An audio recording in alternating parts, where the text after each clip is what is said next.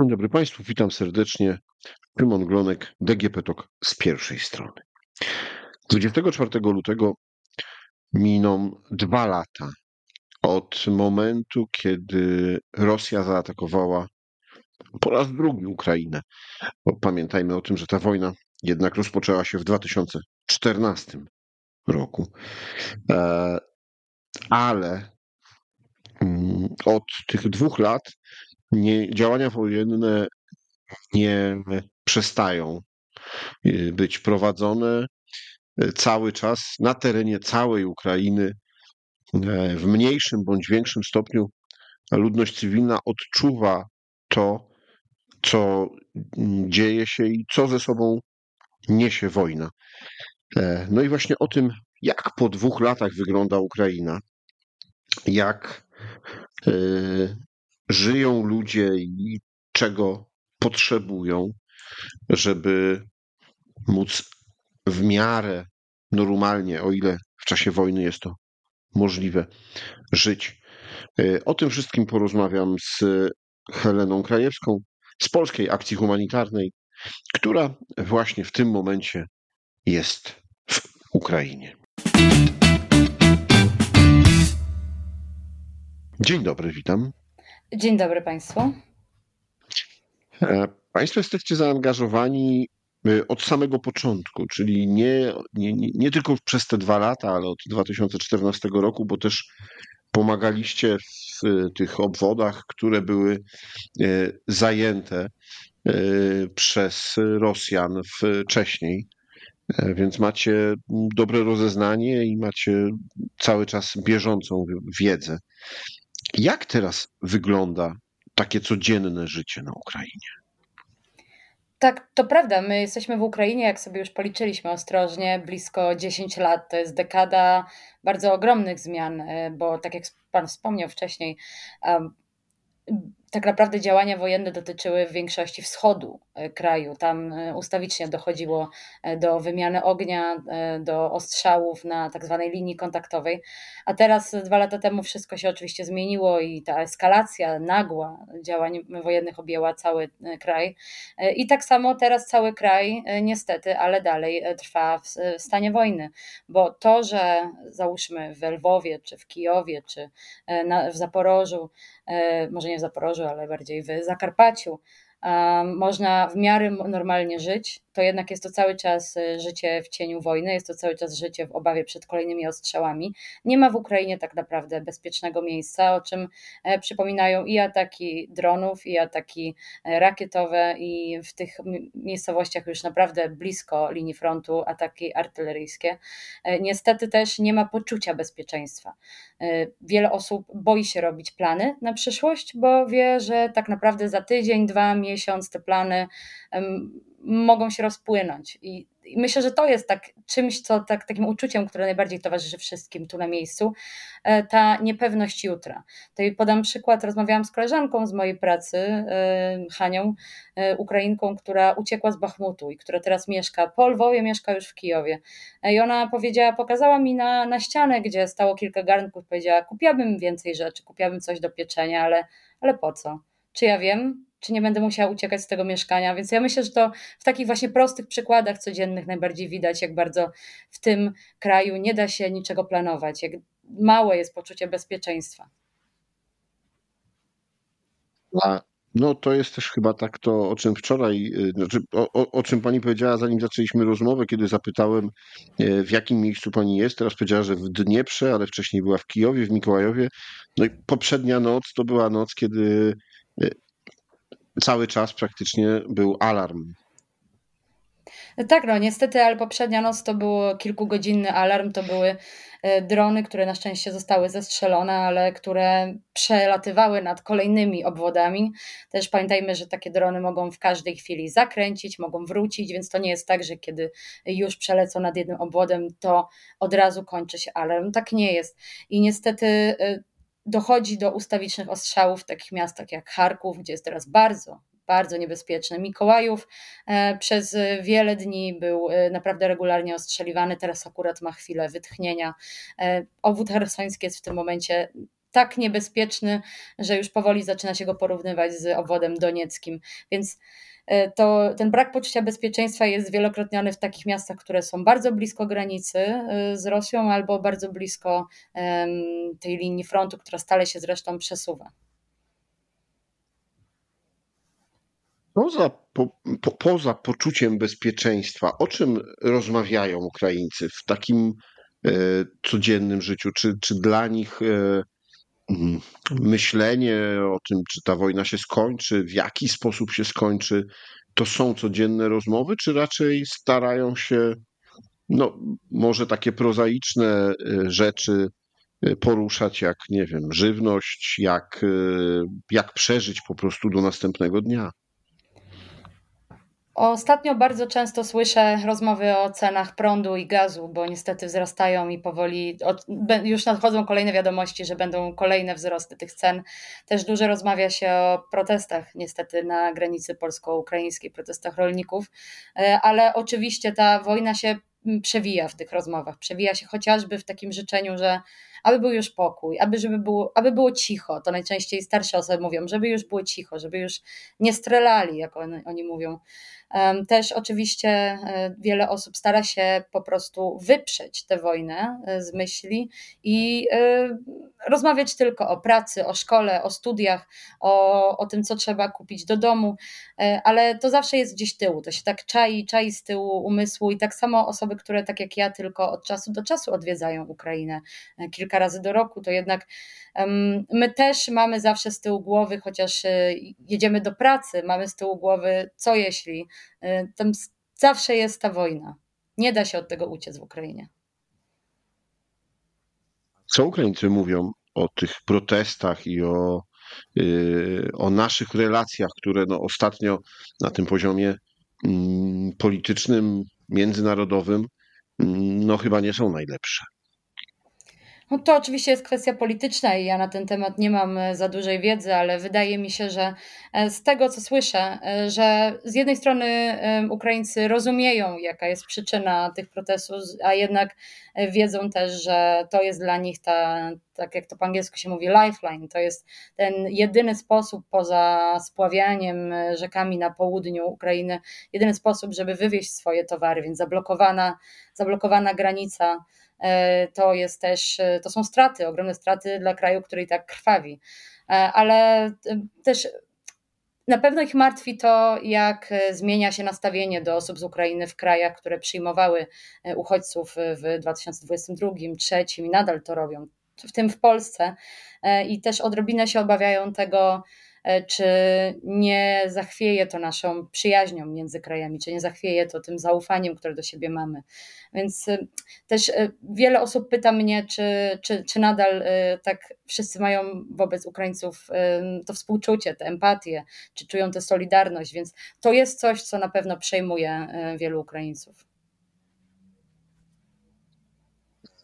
Pani jest tam w pracy, jak pani powiedziała, kilka razy w roku odwiedza, sprawdza. E, co teraz robicie? Czym zajmujecie się e, na terenie Ukrainy? To jest bardzo ciekawe pytanie, bo tak naprawdę z organizacji, która głównie zajmowała się pomocą psychospołeczną, finansową e, i kilkoma innymi rodzajami pomocy na wschodzie Ukrainy, w tym wspieraniem instytucji społecznych, rozrośliśmy się do organizacji, która zatrudnia teraz 250 e, osób około. Niektóre tylko przy projektach, inne na stałe. Mamy kilka biur w całym kraju, w tym właśnie to biuro, które odwiedziłam w Mikołajowie, w Kijowie, teraz w Dnieprze, Charkowie um, i w Lwowie. Prowadzimy działania tak naprawdę na terenie całego kraju. To może być pomoc finansowa, która jest jedną z najefektywniejszych form pomocy, bo człowiek sam decyduje, ma tę swoją godność w decydowaniu, co jest dla niego teraz najpotrzebniejsze: zapłacić za leki, czy za prąd, e, czy na przykład e, opłacić dziecku e, kolonię, żeby na chwilę zapomniało o tym, co się dzieje w kraju. Więc to jest bardzo fajna wersja pomocy. Też oczywiście pomoc psychospołeczna, mamy wiele centrów pomocy, które jednocześnie rejestrują do innych rodzajów pomocy.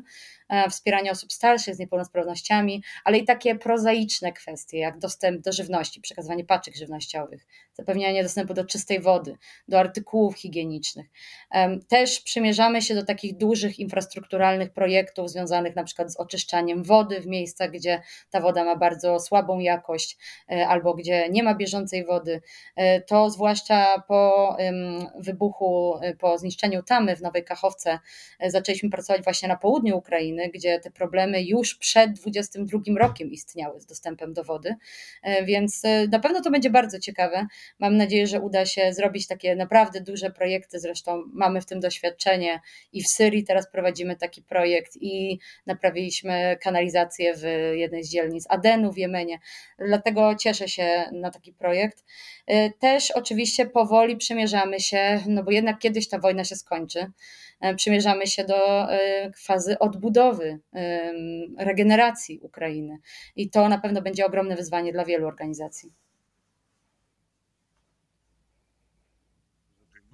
tam pracować, żeby móc nieść tą pomoc, no to trzeba ją w jakiś sposób zorganizować, zgromadzić.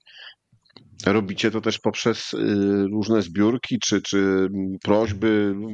No właśnie, tutaj na terenie Polski. To zapytam w drugą stronę, jak sytuacja i na granicy, i sytuacja mm, no, w tych napięciach międzynarodowych wpływa na postawy Polaków, jeśli chodzi o chęć pomocy Ukraińcom. Oczywiście my w tym momencie zbieramy wyłącznie środki finansowe, bo staramy się kupować wyłącznie na terenie Ukrainy, jeśli jest to możliwe. I widzimy, widzimy wpływ tego, jak te dwa lata ustawicznej gotowości do pomocy, ustawicznej solidarności, także finansowej, ale i przecież własnej, prywatnej e, z osobami z Ukrainy wpływa na to, że teraz faktycznie jest tych środków mniej. Jest mniej tego zapału do chęci do pomocy, jest mniej e, propozycji także od firm, e, a my od początku powtarzaliśmy, że to nie jest sprint, to jest maraton, że ta pomoc będzie potrzebna i dziś, i za rok, i za dwa, i zapewne także za pięć lat.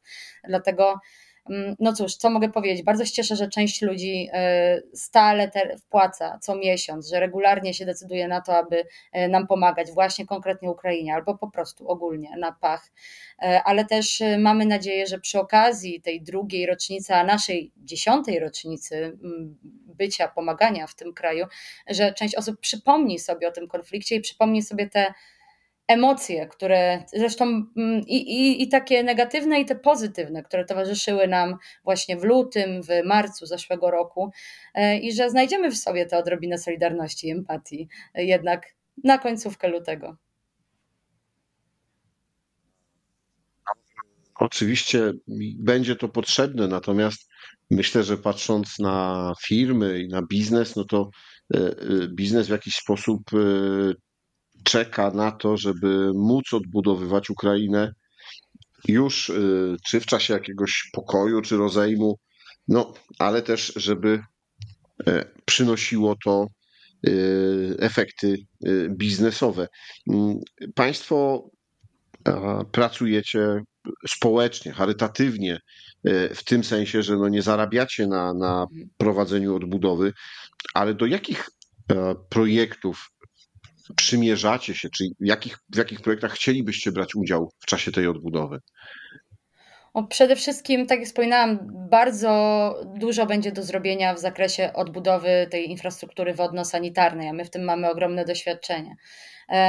To oczywiście są tylko takie teoretyczne rozważania na razie, ale e, pamiętajmy o tym, że 10%, tak około 10% e, domów mieszkalnych w Ukrainie zostało zniszczonych albo w bardzo poważnym stopniu uszkodzonych. To też będzie ogromne wyzwanie. E, na samym początku trzeba będzie stawiać domy modułowe, później odbudowywać, remontować i tutaj wiele organizacji będzie musiało się zaangażować. Też w bardzo złym stanie jest opieka społeczna, jest pomoc osobom najsłabszym, z niepełnosprawnościami, osobom, e, z, e, które są starsze, które nie, nie są samodzielne. I tutaj my już działamy, więc na pewno ten taki wspieranie, wzmacnianie tego kapitału społecznego będzie dla nas bardzo ważne. No i oczywiście pomoc psychologiczna, ale ta pomoc to nie jest coś, na co się czeka, e, z rozpoczęciem tego, na co się czeka po konflikcie, to musi trwać w trakcie i dlatego tak bardzo się staramy w tym momencie już pomagać osobom, które doświadczyły traumy, ale pomyślmy o tych dzieciach, które tak naprawdę znają tylko wojnę w tym momencie. To, jest, to może stać się stracone pokolenie. To, to jest bardzo poważna kwestia. Dlatego chciałabym, żeby w tych planach odbudowy, regeneracji Ukrainy znalazło się miejsce właśnie na pomoc psychologiczną, zwłaszcza dla osób najmłodszych.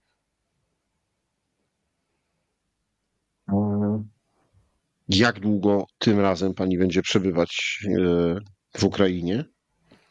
Ja tym razem będę w Ukrainie do końca lutego. Planuję jeszcze odwiedzić e, kilka innych miast, naszych biur, rozmawiać z naszymi pracownikami, ale przede wszystkim rozmawiać z osobami, które otrzymują naszą pomoc i które e, chcą podzielić się swoją historią ze mną, z naszą organizacją, bo to często są takie historie i smutne, i niosące nadzieję, i może powiem tak, ten e, uścisk dłoni, to spojrzenie w oczy, to jednak jest coś, co również nas motywuje, nas pracowników. Więc bardzo się cieszę, że będę mogła zanieść tę historię z powrotem do Polski. Te historie pewnie też mają szansę mm, trochę otworzyć serca i przywrócić z powrotem e, chęć do pomocy, bo mm, poza tym, że no, ma, są te napięcia na linii biznesowej czy politycznej, no to cały czas y, to w większości jednak na wojnie cierpią y, osoby starsze, dzieci mm, czy kobiety, które pozostały same i które muszą sobie z tą wojenną rzeczywistością radzić. No tak, ja mam taką ogromną nadzieję, że właśnie poprzez ludzkie historie, poprzez sprowadzenie tego dramatu wojny do pojedynczej osoby, poprzez dojrzenie właśnie w tej osobie kogoś nam pokrewnego, naszej babci, e, naszego syna, naszego sąsiada, naszej znajomej, no to tutaj my zrozumiemy, że ta wojna dotyka zwykłych ludzi, że ci zwykli ludzie muszą sobie radzić z tą ogromną traumą. I też chcę tylko powiedzieć, że w Ukrainie, w, zanim doszło do tej eskalacji 24 lutego 2022 roku, w Ukrainie, na wschodzie Ukrainy, Słowo Polska kojarzyło się właśnie z polską akcją humanitarną, kojarzyło się z pomocą, kojarzyło się z czymś bardzo dobrym i teraz również jest tak, że być może ktoś nie zna nawet nazwy organizacji, y, która go wspiera, nie pamięta jej, zwłaszcza starsze osoby, ale tak jak wczoraj, kiedy rozmawiałam w obwodzie mikołajowskim z panią, która miała 83 lata, ona powiedziała: No, ja bardzo dziękuję Wam, jak Wy to mówicie, Dziękuję bardzo za to, że wy pamiętacie o takiej osobie jak ja w małej miejscowości w obodzie mikołajowskim, która no taka starsza, nie ma dzieci, ma tylko siostrę, ale wy pamiętacie też i wy mi pomogliście i za to wam dziękuję. Więc naprawdę chciałabym, żeby te, te dobre emocje towarzyszyły nam i żebyśmy pamiętali o tym, że tuż za naszą granicą trwa wojna. I jeżeli chcemy pomóc, to są organizacje, w tym właśnie Polska Akcja Humanitarna, które są cały czas na miejscu i pomagają. Już e, na koniec mam e, takie pytanie: czy Ukraińcy wierzą w zwycięstwo? Czy dzisiaj, po tych dwóch latach, nadal uważają, że, że mają szansę? To bardzo trudne pytanie, bo oczywiście osoby, które będą mieszkać daleko, daleko od linii frontu, e, będą miały inną opinię. Osoby, które mieszkają pod ciągłym ostrzałem, tak jak te osoby, które zostały ewakuowane właśnie teraz z Awdijiwki, mogą uważać, że to jest piekło na ziemi i nie ma, nie ma z tego dobrego wyjścia.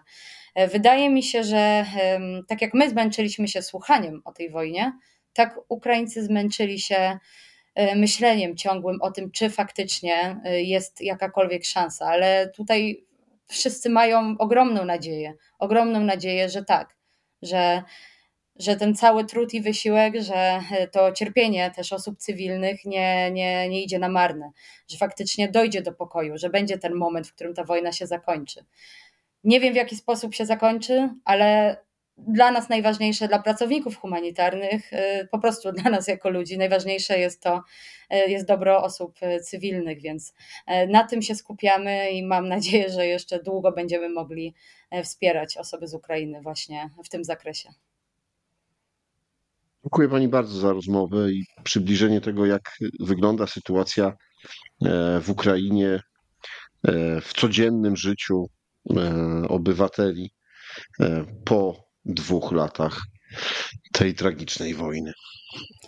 Dziękuję bardzo i też zapraszam do wsparcia PACH na stronie pachorg.pl, jeżeli tylko Państwo chcą. Moim i Państwa gościem w podcaście DGP Talk z pierwszej strony była Helena Krajewska z Polskiej Akcji Humanitarnej, a rozmawiał Szymon Glonek. Do usłyszenia.